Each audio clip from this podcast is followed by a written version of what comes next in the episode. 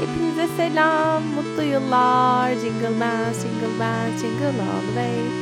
Mutlu yıllar diliyorum. Güzel bir 2022 olsun.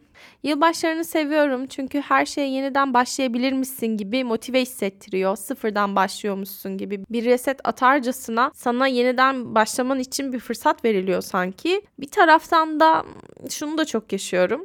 Yani Nasıl bir yıl olabilir ki? Bir de bunu mu kutlayacağız? Ne kadar yılbaşı geçirdin, ne kadar yıl kutladın ama hiçbir güzel bir sene olmadı. Mesela 2016'ya girerken hayatımda en sevdiğim insanlardan birisi yanımdaydı. Ama kendisiyle 8 gün sonra çok şiddetli bir şekilde kavga edip bir kopuş yaşamıştık. Ne bileyim 2020 güzel bir yıldı ama pandemi patladı.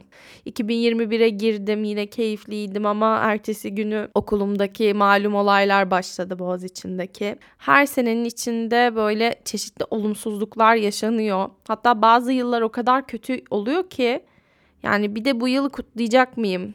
Kutladım mı diyorum. Artık o yılın sonunda içimdeki tek duygu tamam bu sene hayatta kaldın. Bu sene bir şeyleri başardın ve Ölmeden geldim buraya diyorum ve tek motivasyonum o oluyor. 2021 için çok karışık hissediyorum. Bu yıl çok garip bir yıldı benim için. Çoğu şeye ilk defa cesaret gösterip adım attım.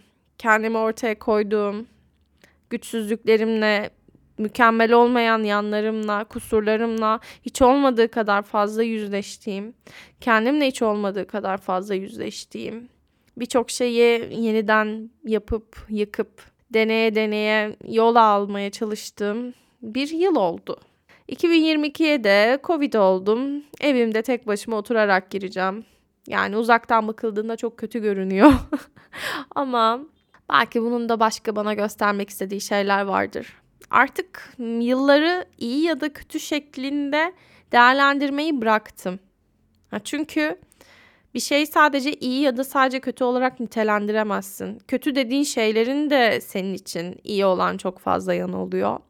O kötü dediğim deneyimlerin hiçbirini yaşamış olmasaydım belki bugün burada olmazdım. Bu kaydı yapıyor olmazdım. Belki çok daha başka bir yerde olurdum. Onların da bana öğrettiği çok fazla şey oldu çünkü. Kötü deyip yatsıyamam ya. Böyle bir şey yapmaya hakkım yok bence. O yüzden iyi ki kutlamışım o yılları. Yani eğlendiğim anlara dönüp baktığımda diyorum ki keşke daha fazla eğlenseymişim. Keşke daha fazla tadını çıkarsaymışım. Sanki ölmüşüm bitmişim de böyle kurtaranım yokmuş, gömenim yokmuş gibi konuşuyorum. O da ayrı bir trajedi. Ama iyiyim. Pozitif olmama rağmen bu konuyu konuşacağım. Çünkü yılın sonuna kaldı. Aslında bir taraftan bir yıl değerlendirilmesi gibi de olacak belki bu bölüm ya da bir hayat değerlendirmesi gibi olacak. Ama çok uzun bir süre kaçtım. Hep en başından beri işlemek istediğim ama asla işlemediğim bir konu bu. iyileşmek. Çünkü her zaman tekrar ediyorum burada. Güzel şeylerden bahsettiğim zaman, olumlu şeylerden bahsettiğim zaman sanki itici görünecekmişim gibi geliyor. Ama öyle bir şey değil bu güzel denilebilecek, iyi denilebilecek deneyimlerden de kaçmamam lazım ki bu benim çok kaçtığım bir şey. Güçlü yanlarımı görmekten çok kaçıyorum ve o acılara tutunmaya biraz devam ediyorum. Bu podcast'te maalesef buna birazcık ön ayak oluyor. Tabii ki her zaman tekrar ediyorum. Burada hiçbir zaman hiç kimseye öneri vermiyorum. Hiçbir zaman bunları bir tavsiye olarak paylaşmıyorum diye. Ama verdiğim herhangi bir güçlü, olumlu bir şey de yok. Bunun eksikliğini de yaşıyorum ve burada birazcık bir öz eleştiri de vermek istiyorum. Çünkü her zaman şunu atladım. O güçsüz dediğim, olumsuz dediğim şeylere bakabilmek de aslında bir güç gerektiriyordu. Ben güçsüzüm, ben bunları yaşadım diyebilmek de gerçekten bir güç gerektiriyordu. Çünkü bunlara hiç bakmayıp sonuna kadar bunlardan kaçmayı da seçebilirdim. Ama tabii ki hiç kolay değildi ve hiçbir bir günde olmadı kendiyle yüzleşme yoluna giren herkes illaki bu durumu yaşıyordur diye düşünüyorum. Çünkü kendine yüzleşmek böyle bir şey. Hiçbir zaman olumlu, güzel şeylerle yüzleşmezsin. Hep halının altına süpürdüğün, kirli dediğin şeylerle, karanlık dediğin şeylerle yüzleşirsin. Ve benim de tabii ki her insan gibi yüzleştiğim şeyler bunlar oldu. Olumsuz dediğim anılar oldu. Ve onlara baktıkça aslında ne kadar çok yaram olduğunu, ne kadar çok yaraya sahip olduğumu anladım. aslında kendimden ne kadar çok nefret ettiğimi, kendimi sevmeye başladığımda anladım mesela. Sanırım bugün birazcık içli bir bölüm kaydedeceğim. Hadi bakalım. Her zaman söylüyorum zaten. İyileşmek bir yarış değil ve bu yarışı iyileşerek kazanmıyoruz. Hiçbir zaman sonunda varacağımız mutlak bir mutluluk ve zafer yok. Bu tamamen hayatın kendisini oluşturan bir şey. Ama ben eskiden iyileşmenin tamamen varılması gereken, ulaşılması gereken bir yer olduğunu zannediyordum ve hiçbiri bitmeyecekmiş gibi ve hiçbir zaman iyileşmeyecekmişim gibi de geliyordu bir taraftan. Böyle iyileşmek benim için pembe bulutların olduğu yemyeşil bir doğada böyle kırlarda gülü oynaya zıplamak gibi bir şeydi. Halbuki bu kadar idealize etmemek lazımmış iyileşmeyi. Çünkü iyileşmek öyle bir şey değil. Mesela 4-5 ay önceki İrem'e baktığımda daha iyi bir İrem görüyorum. 4-5 ay önceki İrem'den daha iyi bir konumda değilim mental olarak şu anda. Ama 3-4 yıl önceki İrem'e baktığımda gözle görülür farkımı ve ne kadar iyileştiğimi çok net bir şekilde görüyorum. Bu yüzden kendimi kutlamam gerekiyor. 4-5 ay önceki İrem'in şimdiki İrem'den ne kadar iyi olduğunu düşünerek kendimi hırpalamaya hakkım yok bence. Çünkü kısa vadede her zaman inişler ve çıkışlar yaşamaya zaten devam edeceğim. 3-4 sene içerisinde de bir anda yükselen bir grafikle bugüne gelmedim. Her daim o inişleri ve çıkışları yaşamaya devam ettim. Ama 3-4 yıl önceki İrem'le şimdiki İrem'i karşılaştırmaya ve gelişimimi ve dönüşümümü kutlamaya bence hakkım var. Yıl sonları, yıl başları değil, yıl sonları da bu dönüşümleri kutlamak için, bu gelişimleri kutlamak için bence çok güzel bir alan açıyor insana. Mesela 2021'e girerken nasıl bir İrem'din ve 2021'den çıkarken nasıl bir İrem'sin? Bunu düşün. Tamamen kendi kendime konuşuyorum şu anda. Mesela kendi kendine konuşan bir İrem'e dönüştün.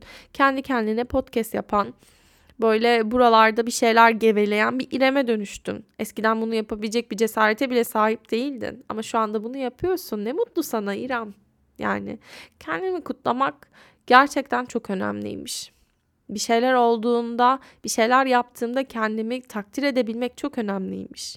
Çünkü kendimi takdir etmediğim zaman, kendi güçlü yanlarıma sarılmadığım zaman sadece olumsuz yanlara bakan bir İrem'e dönüşüyorum. Dolayısıyla güçlü yanlarımı da görmeye ve anlamaya ihtiyacım var bence. Yani ihtiyaçlarını dinlemek o noktada çok önemli. Neye ihtiyacın varsa onu anlayabilmek çok önemli. Ama bu tabii ki bir günde olan bir şey değil. Bunun en önemli yolu kendini sevmekten geçiyor. Kendini sev lafı o kadar her yerde geçen bir şey ki her şeyin sonu kendini sevmeye varıyor.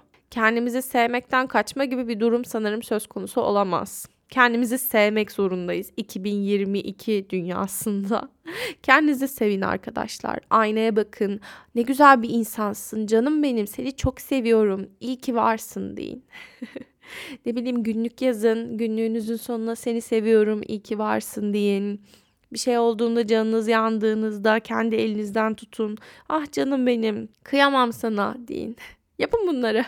Arkadaşınıza yapıyorsunuz. Kendinize niye yapmıyorsunuz? Yalnız direkt sertifikalı yaşam koçları gibi konuşmaya başladım bir anda. Böyle pat pat pat pat pat şunu yapın bunu yapın. O kadar açmışım ki herhalde. Ama bir noktada haklılar. Ama şu çok atlanıyor aynaya bakıp seni seviyorum dedim diye kendimi sevmeye başlamayacağım. Böyle bir dünya yok. Kendini sevme eylemi gerçekten içselleştirilmesi gereken ve gerçekten sindirilmesi gereken bir eylem. Çünkü hiç kimse bize bunu öğretmiyor. Çocukluğumuzda başkalarını sevmeye dair şeyler öğreniyoruz. Başkalarının alanlarına saygı duymayı öğreniyoruz başkalarına saygı duymayı öğreniyoruz ama kendi sınırlarımıza nasıl sahip çıkabiliriz? Kendimize nasıl saygı duyabiliriz? Kendimizi gerçek anlamda nasıl sevebiliriz? Bunu nasıl pratik edebiliriz? Bu gerçekten öğretilen bir şey değildi en azından benim çocukluğumda. Şu anda daha farkındalığı yüksek bir nesil yetiştiriliyor. Bu gerçekten çok güzel bir şey ama benim çocukluğumda bu böyle bir şey değildi. Hiçbir zaman kendi sınırlarımın nasıl farkına varabilirim, kendimi nasıl sevebilirim bunlara dair hiçbir şey öğrenmemiştim ve çok geç farkına vardım. Kendini sevmek diye bir kavram olduğuna ve bunun önemli olduğuna. Böyle lise yıllarımı hatırlıyorum da bir deftere olumlu yanlarımı ve olumsuz yanlarımı listelemiştim. Babam önermişti bunu yap kendine diye. E, yapmıştım ve olumlu yanlarımdan çok olumsuz yanlarım ortaya çıkmıştı. Ve orada olumlu yanlarıma bakmak yerine sadece olumsuzlara bakıp, olumsuzların yazdığı sayfaya bakıp sadece moralimi bozmakla meşgul olmuştum. Ve benim için olumsuz olan şeyler o anda sadece varlardı. Onların varlığı rahatsız ediciydi ve onlardan kurtulmam gerektiğini düşünüyordum. Uzun bir süre gerçekten olumsuz özelliklerimi, kusurlarımı hep kurtulmam gereken, kaybetmem gereken şeylermiş gibi düşündüm ve hep öyle baktım meselelere. Ne zaman ki onları gerçek anlamda kabul etmeye başladım, ne zaman ki o kusurlara tamam bunlar da bana ait demeye başladım, sanırım iyileşmeye o noktada başladım ben de. Çünkü bulunduğun anı reddedip her şey daha iyi olacak, her şey daha güzel olacak, iyi bir noktaya varacağım, güzel bir noktaya varacağım diye yaşarsan aslında iyi bir hayatın içinde yaşamış olmuyorsun. Ama kötü denilebilecek bir anın içinde olduğunu kabul ettikten sonra sanki bir şeyler değişmeye başlıyor. Kendini kabul ediyorsun ve o anda kendine yüklenmekten vazgeçiyorsun gibi oluyor bende.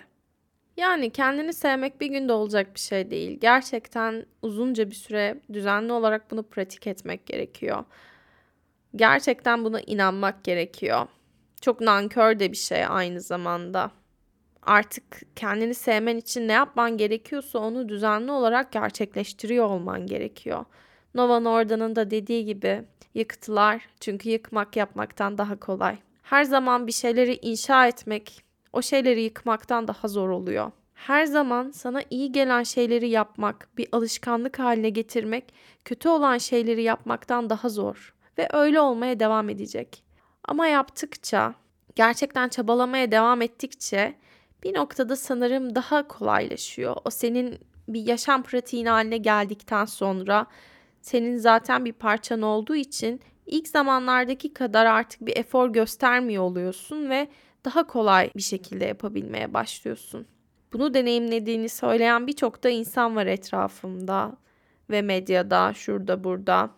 Çünkü aslında hepimiz sevilmeye değer insanlarız. Ne yaparsak yapalım, hangi kusurlara sahip olursak olalım, hangi hataları yapmış olursak olalım, hepimiz sevilmeyi hak ediyoruz. Hepimiz kendimizi sevmeyi hak ediyoruz. Çünkü dünyada başka bir ben yok. Dünyada başka bir sen yok. Tabii ki de kendini sevmeyeceksin de ne yapacaksın? Bu dünyaya yaşamaya geldin ve de kendini sevmeye geldin. Ay. böyle şeyler böyle şeyler söylemek sanki bana yakışmıyormuş gibi hissediyorum ama gerçekten inandığım bir şey olduğu için bunu burada zikrediyorum arkadaşlar. Aynı zamanda kendini sevebilmeye başladıktan sonra sanırım yaşadığın sorunlara karşı başa çıkabilme mekanizmalarında değişmeye başlıyor.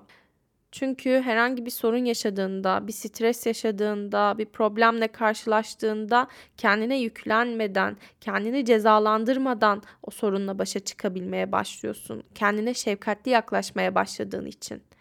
Mesela yıllar önce e, ödev yetiştirmeye çalıştığım zamanlar benim kendime en çok zarar verdiğim zamanlar olurdu. Bir ödevi bitireceğim diye hiç olmadığım kadar çok kendimi sabote eder, hiç olmadığım kadar çok kendime yüklenirdim.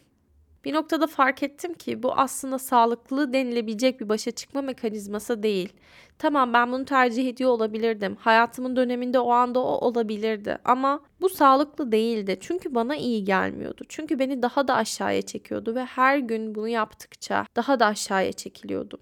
Acaba bunu bırakıp başka türlüsünü denesem nasıl olabilirdi? Buna cesaretim var mıydı gerçekten? Bunu bırakmam sağlıklı denilebilecek başa çıkma mekanizmaları geliştirmem bir günde olmadı tabii ki. Bunu da bir şekilde denemeye ve pratik etmeye başladım. Yerine başka şeyler koymaya başladım. Çünkü yerine koyulabilecek bir şeye ihtiyacım vardı. Kronik bir boşluk hissi yaşadığım için her daim bir şey yapmam gerekiyormuş gibi, o boşluğu dolduracak bir şey sahip olmam gerekiyormuş gibi hissediyordum ve kendimi oyalayacak bir şeyler arıyordum. Kendini oyalamaya çalışmak ne kadar zor bir şey aslında hiçbir şey yapmadan, hiç kimse olmadan sadece duramaz mıydım? Bunun bir yolu yok muydu gerçekten? Birilerinin boşluğu, bir şeylerin boşluğu, yapamadığım şeylerin, beceremediğim şeylerin, olamadığım hallerin boşluğu. Her zaman bir boşluk vardı. Ve boşluğun karşısında ben çok güçsüz ve çok çaresiz hissediyordum. Aslında hala da öyle hissediyorum. Ama o boşluğa karşı sanırım artık güçlendim. İyileşmek de güçlenmekle gelen bir şey galiba. Bunu fark ettim. Yani güçlenmek benim hayatım boyunca hep kaçtığım bir şeydi. Bir şeylerin içinde dayanmak, direnmeye çalışmak en zayıf olduğum şeylerden biriydi. Ki çok zayıf bir çocuktum. Kilo anlamında değil ama güç anlamında. Kollarım çok zayıftı. Koşamazdım, işte top atamazdım, edemezdim. Kendimi güçlendirmem de böyle çok zor oldu ve hala yani o bedensel çalışmalarımda güç gerektiren şeyleri yapmakta çok zorlanıyorum. Bir de her zaman kendimi zorlamaktan kaçardım. Ee, zorlamak güç isteyen bir şey. Ben kendime çok minnoş davranırdım. Aman işte yormayayım kendimi, canım yanmasın, şöyle olmasın falan. Her zaman bir eyleme geçmekten, bir şeyler için kıçımı kaldırmaktan ölesiye kaçardım. Ama fark ettim ki iyileşmek için güç gerekiyor. Ama güç fiziksel bir güç değil. Kendine bakabilme gücü, güçsüzlüğünü kabul edebilme gücü, kendini anlayabilme gücü ve kendini bütün güçsüzlüklerinle kabul edebilme gücü. Çünkü bu daha önemli, daha büyük bir güçmüş. Hepsinden daha zor bir güçmüş. Ve bunu yapabilmek için de kendini hiç olmadığın kadar çok zorlaman gerekiyormuş. Çünkü kendini zorlamadan, kendini bir şeylere itmeden iyileşemezmişsin. Oturduğun yerde durarak, hiçbir şey yapmadan iyileşmeyi bekleyemezmişsin. Ben oturdum ve yıllarca iyileşmeyi kendi kendime bekledim. Belki adım atacak gücüm yoktu, hiç halim yoktu. Bir noktada destek aldım. Bunu tek başıma yapamazdım çünkü. Sevdiklerinden, dostlarından, ne bileyim profesyonel birimlerden destek almak aslında iyileşmek için de yapabileceğin en önemli şeylerden birisi. Çünkü tek başına da iyileşmeyi bekleyemezsin. Belki bunu tek başına yapamıyor olabilirsin ve destek almak kadar doğal ve güçlendirici bir şey yok. Destekler bunun için var zaten. Bundan gocunmamak lazımmış. Bir de korku meselesi var. İyileşmek aslında beni bir taraftan da çok korkutan bir şeydi. Çünkü oraya vardığımda iyileştiğim halimi sevecek miydim? O halimi kabul edecek miydim? Bunu bilmiyordum. O kıçı yerinden nasıl kaldırdım? Nasıl bunun için adım attım? Spesifik olarak hatırlamıyorum. Ama çevremden güç almak benim için hiç olmadığı kadar değerliydi. Çevremden aldığım gücü hatırlıyorum. Özellikle çok zayıf hissettiğim anlarda karşılaştığım sosyal medya paylaşımlarını hatırlıyorum. O paylaşımlar acılarımı ve güçsüz yanlarımı da sevebileceğimi idrak etmemi sağlıyordu çünkü. Sınırlar koymayı, ihtiyaçlarımı ve duygularımı anlamayı, bunları şiddetsiz bir şekilde dile getirmemi sağlıyordu. Ufak ufak bunları öğreniyordum. Bana kendini sev demiyorlardı. Kendilerini sevmeye nasıl çalıştıklarını anlatıyorlardı. Ben onların kendi hikayelerini dinledim ve kendi hikayelerinden ilham alarak kendimi nasıl seveceğimi anlamaya başladım. Beni tavsiyelere de boğmuyorlardı. İyi olmam gerektiğini bana dayatmıyorlardı. Onlar beni içinde bulunduğum durumla barıştırmıştı. Ve dedim ki orada bir köşede kaybolmuş ve korkmuş kendini bekleyenlere bak ben buradayım, sen de buradasın, buradayız, asla yalnız değiliz diyebilmek istiyordum. Bütün korkularıma rağmen şu anda bunu söylüyorum. Kendi kaynaklarımı sunmak istiyorum. O vakit belki bu kaynaklar bir tavsiye olmaktan çıkar, dönüştürmeye biraz bile olsa ilham olur. Bunun düşünmesi bana güç vermişti. Her ne kadar hala konuşmaktan kaçsam da, her ne kadar o kadar da cesur olmasam da burada konuştukça güçlendiğimi hissediyorum ve duygu yoklamasından güç alıyorum aslında. Duygu yoklaması da iyileşmemi sağlayan şeylerden birisi haline geldi ve benim iyileşme yolculuğumun bir parçası oldu. Hiçbir zaman bitmeyecek o sonsuz yolculuğun yeni bir adım oldu benim için ve 2021 bana bunu getirdi. Ne güzel. Ne mutlu o zaman. Belki korkmaya devam edeceğim. Korkular hep var olacak. O içsel yargılarım hiç susmayacak. İlla ki kendimle konuşacağım. Bunu niye yapıyorsun ki diye. Ama bu korkuları sırt çevirmeyi tercih etmiyorum. Bu korkuları sarılmayı ve kendimi kucaklamayı tercih ediyorum. Bütün bu korkulara rağmen burada bunları konuşmayı tercih ediyorum. Çünkü bana iyi gelen şey bu. Çünkü o korkuların üzerine gitmeden güçlenemeyeceğim. Güçlenemeden de iyileşemeyeceğim. Düşünüp baktığımda 2022 bundan daha kolay geçmeyecek. Hiçbir zaman bugünden daha kolay bir hayat yaşamayacağım. Ama tabii ki bu daha zor ve daha kötü olacağı anlamına da gelmiyor. Sorunlar hep var olmaya devam edecek. Hayatımda her zaman problemlerle ve olumsuzluk denilebilecek şeylerle karşılaşmaya devam edeceğim. Sevdiklerimi kaybetmekten çok korkuyorum ama sevdiklerimi illa bir gün kaybedeceğim. Başarısızlıklar yaşamaya devam edeceğim. Hüsrana uğramaya, hayal kırıklığına uğramaya devam edeceğim. Ama bu sorunlarla nasıl başa çıktım ve bunlara nasıl yaklaştığım değişecek. Çünkü değişiyor. 2017'deki İrem'le bugünkü İrem aynı kişi değil. Bunu çok net bir şekilde görebiliyorum ve kendimi bu sebepten dolayı kutluyorum. 2021'in başındaki İrem'le sonundaki İrem de aynı İrem değil. Güçlenen ve cesaret gösteren yanlarım için de kendimi tebrik ediyorum. Gerileyen dediğim yanlarım için de kendimi kucaklıyorum. Onların da bana öğreteceği şeyler vardır illaki. Buna ek olarak destek alabilmenin ne kadar önemli olduğundan az önce birazcık bahsettim. Daha önce de söylemiştim. Ben 4 yıldır terapiye gidiyorum. Gerçekten terapi benim için çok dönüştürücü bir deneyim oldu. İyi ki gittim. İyi ki koltuğa oturdum falan. Ama herkese buradan mutlaka siz de terapiye gidin, mutlaka terapi alın diyemiyorum. Çünkü terapi Türkiye şartlarında herkesin erişebildiği bir şey değil. Herkes rahatça faydalanamıyor ücretlerin pahalılığından dolayı. Mutlaka bütçe dostu terapiler de var. Bütçe dostu uygulamalar var. Belki isteyen olursa bu tarz e, bilgileri de paylaşabilirim. Oturur bakarım. Ama yine de en uygununu düşündüğün zaman bile ayda belirli bir miktar bütçe ayırman gerekiyor mutlaka. Yani herkesin her an erişebildiği bir şey olmayabiliyor maalesef. Fakat çeşitli destek mekanizmaları geliştirebilmek de mümkün olabilir belki. Özellikle sadece terapi değil, arkadaşlarımdan aldığım destek, arkadaşlarımla kurduğum sağlıklı ilişkiler ve canım arkadaşlarım iyi ki varlar. Onların varlığı bile e, iyileşmemde çok yardımcı olmuştu. Birbirimizi dönüştürebildiğimiz güzel ilişkiler inşa etmek gerçekten iyileştirici oluyor. Çevremizi belki böyle kurabilirsek, iyileştirici bir çevre inşa edersek güzel bir destek mekanizması da kurmuş oluruz birbirimize. Yani burada sadece dert dinlemekten bahsetmiyorum.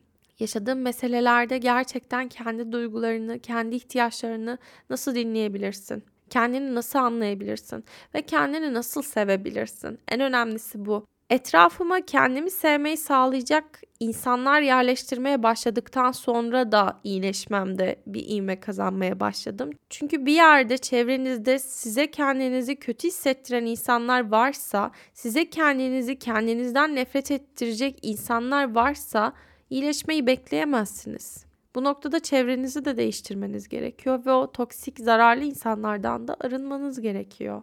Bir ölçüp tartmakta fayda var hayatınızdaki insanları. Bu bana iyi geliyor mu? Bu bana kendimi iyi hissettiriyor mu? Bu bana kendimi değerli hissettiriyor mu diye. Yani hayatınızdaki insanların illaki size güzel sözler söylemesine de gerek yok. Ama size karşı olan davranışları size ne kadar çok değer verdiğini bence gösterir. Biraz daha somut şeylere bakmak da önemli bence. Etrafımızda olan insanlarla ilişkilerimizin. Hani bir insanın size değer verdiğini söylemesiyle nasıl davrandığı arasında farklılık varsa orada bakılması gereken önemli şeyler var bence. Hani o yüzden etrafımızdaki insanlarla olan ilişkilerimizi de bence gözden geçirmemiz gerekiyor. İyileşmek isteyen bir insansak ve iyileşmeye çabalıyorsak gerçekten destek alabildiğimiz, güçlü hissedebildiğimiz ve iyi hissedebildiğimiz insanların yanında kalmamız gerekiyor. Öteki türlü bizi aşağı çeken insanlarla beraber aşağı çekilmeye devam ederiz ve yokuş aşağı artık nereye gidiyorsan oraya gidersin. Yani onun sonu yok. Bana iyi gelen şeyleri alt alta sıralayınca gerçekten liste bitmiyor ama bahsetmek istediğim önemli bir şey daha var. Bedenime bakmak ve bedenimi dinlemek. Çünkü ruhunda ne oluyorsa gerçekten bedeninde tezahür ediyormuş. Ben bunu yoga ile sağladım. Başka bir sürü yöntem var. Qigong yapanlar var, dans edenler var, pilatese gidenler var, çeşitli şeyler yapanlar var. Ben yogaya başlamıştım Mart 2020'de ve birkaç ay çabaladıktan sonra bunu her gün yapmaya başlamıştım. Ve her gün en azından 15 dakika esneme pratiği bile olsa bir pratik yapmak gerçekten hayatıma bir düzen ve stabillik kazandırmış olmuştu. Sabah yaptığınız rutinlere dikkat edin diyorlar ve bence evet dikkat edin. Sabah ne yaptın? Günlük rutinlerin gerçekten seni sen yapan şeylerden birisi. Çok acı verse de yapması ve yoluna koyması zor gibi olsa da bir noktada kendini acı çektirmeden, yapamadığın için kendini cezalandırmadan sonuna kadar denemek lazım. Hepsi bir günde gelmiyor çünkü. Ama her gün olduğu noktada, hayatına bir rutin kazandırdığın noktada sanki bir şeyler birazcık daha yoluna girmeye başlıyor. Özellikle ben düzensizlikten ve belirsizlikten çok kötü etkilenen bir insanım. Benim hayatımda sabitliğe ihtiyacım var. Sabitliğin olmadığı noktada iyi bir mental sağlığım da olmuyor. Ve kendime sabitlik yaratacak çeşitli şeyler oluşturmak bana iyi gelmişti. Ve gerçekten alışkanlıkların orada gücünü gördüm. Sağlıklı alışkanlıklar kazanmak, sağlıksız diyebileceğim alışkanlıkları da ortadan kaldırdı. Yani deneme yanılma yöntemi aslında. Her zaman şöyle bakıyorum. Şimdi bunu deniyorum. Olmadı mı? En kötü bir önceki halime dönerim. Hiçbir şey yapmayan İrem'e dönerim. Ne olabilir ki? Ne kaybedebilirim ki? Aslında kaybedecek hiçbir şeyim yok. Destek almak istiyorsam da destek almak için harekete geçebilmeliyim. Hayatıma bir şey kazandırmak istiyorsam da bunu deneyebilmeliyim. En kötü ihtimalle başaramazsam hiçbir şey yapmadığım İrem'e geri dönerim zaten. Bu kadar zor değil. Bu gerçekten çok uzun bir konu, çok uzun bir yol. Kendini sevmek de çok uzun bir yol. Hayatına güzel alışkanlıklar kazandırmak da çok uzun bir yol. Sağlıklı başa çıkabilme mekanizmaları geliştirmek de çok uzun bir yol ve emek isteyen, gerçekten çaba isteyen şeyler. Bu bölüm bütün hepsini kompakt bir şekilde ele aldığım kapsül bir bölüm oldu. Belki hepsini ilerleyen zamanlarda daha da açarak tekrardan ele alabilirim ki almalıyım da bence. Özellikle 2021'i kapatırken ve 2022'ye merhaba derken hem bir yıl değerlendirmesi yapmış oldum. Hem de bazı şeyleri kendime hatırlatmış oldum. Canım kendim, seni seviyorum. Öyleyse siz de kendinize çok iyi bakın. Sizi seviyorum. İyi ki varsınız. Şimdilik hoşçakalın. Sonra görüşürüz.